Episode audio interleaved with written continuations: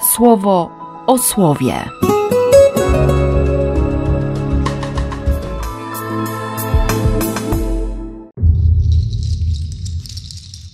Siedemnasty maja, wtorek.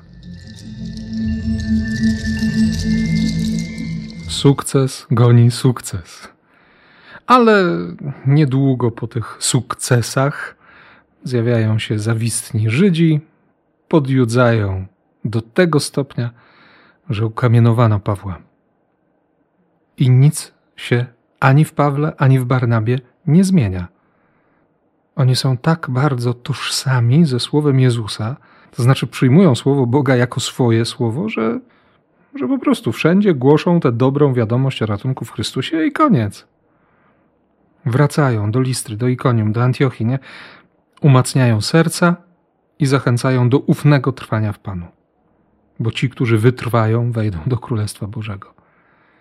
Odpowiedzialność za słowo i odpowiedzialność za tych, którzy usłyszeli słowo.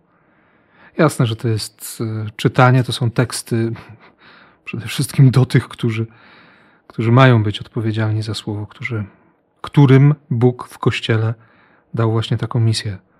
Ale z drugiej strony, no to przecież jest słowo o każdym z nas, nie? I o Tobie, i o mnie. O Tobie i o mnie. Głoszenie Ewangelii. Jeśli będzie trzeba, to nawet słowami. Hmm. A Pan otwierał serca, żeby ludzie, żeby poganie mogli z pełnym zaufaniem przystępować do Niego. Pan otwiera serca, bo to jest Boża sprawa. To są Jego reguły, to jest Jego sposób działania. On jest wierny swoim obietnicom. Jest wierny temu, co sam ogłosił, do czego się zobowiązał. I tak samo dzisiaj, nie? Jeszcze te dwa wcześniejsze wersety, 25-26 z 14 rozdziału Jana.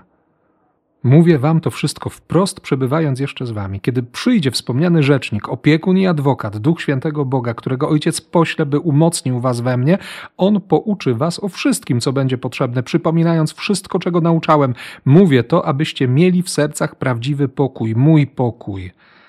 Jest to inny rodzaj pokoju niż oferowany przez świat. Mój pokój strzec będzie waszych serc, abyście się nie lękali i nie upadali na duchu. Gdybyście rzeczywiście mnie miłowali, radowalibyście się z tego, że ja idę do Ojca, gdyż On jest potężniejszy ode mnie. Mówię o tym zawczasu, abyście, gdy nadejdzie to, co ma się wydarzyć, wytrwali w ufności do mnie. No, no nie wytrwają. Nie, nie wytrwają. Ale pod krzyżem będzie jedna osoba, która, która będzie wierzyć. Pomimo tego, że to miałem mocno w głowie od, od samego rana, pomimo tego, że słowo Boga zrobi z jej życia ruinę, rozerwie ją, a ona da na to zgodę. Niewiasto, już nie ja, teraz to jest twój syn. No matka, która usłyszy od swojego dziecka takie słowa, to naprawdę może złamać życie, nie? A, a ona dalej wierzy. Ona zrobiła miejsce dla tego słowa. Ona się zgodziła na to zranienie. I wierzyła, że nawet jeśli nie rozumie, to, to to słowo dalej jest życiodajne, to słowo dalej jest słowem miłości. Dobrze, że ten maj jest też jej miesiącem i że kiedy słuchamy Ewangelii Jana, ona słucha jej razem z nami. Jest bardzo blisko i pokazuje, że można wierzyć. Nie rozumiejąc, wierzyć nie wiedząc, co będzie dalej. Wierzyć. I się nie przeliczyła, nie zawiodła, po prostu dalej wierzyła.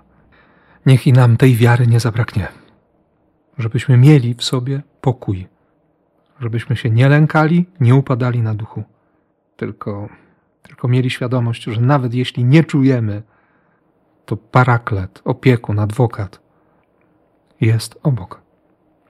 Umacnia żeby można było dalej kochać, żeby wytrwać w ufności.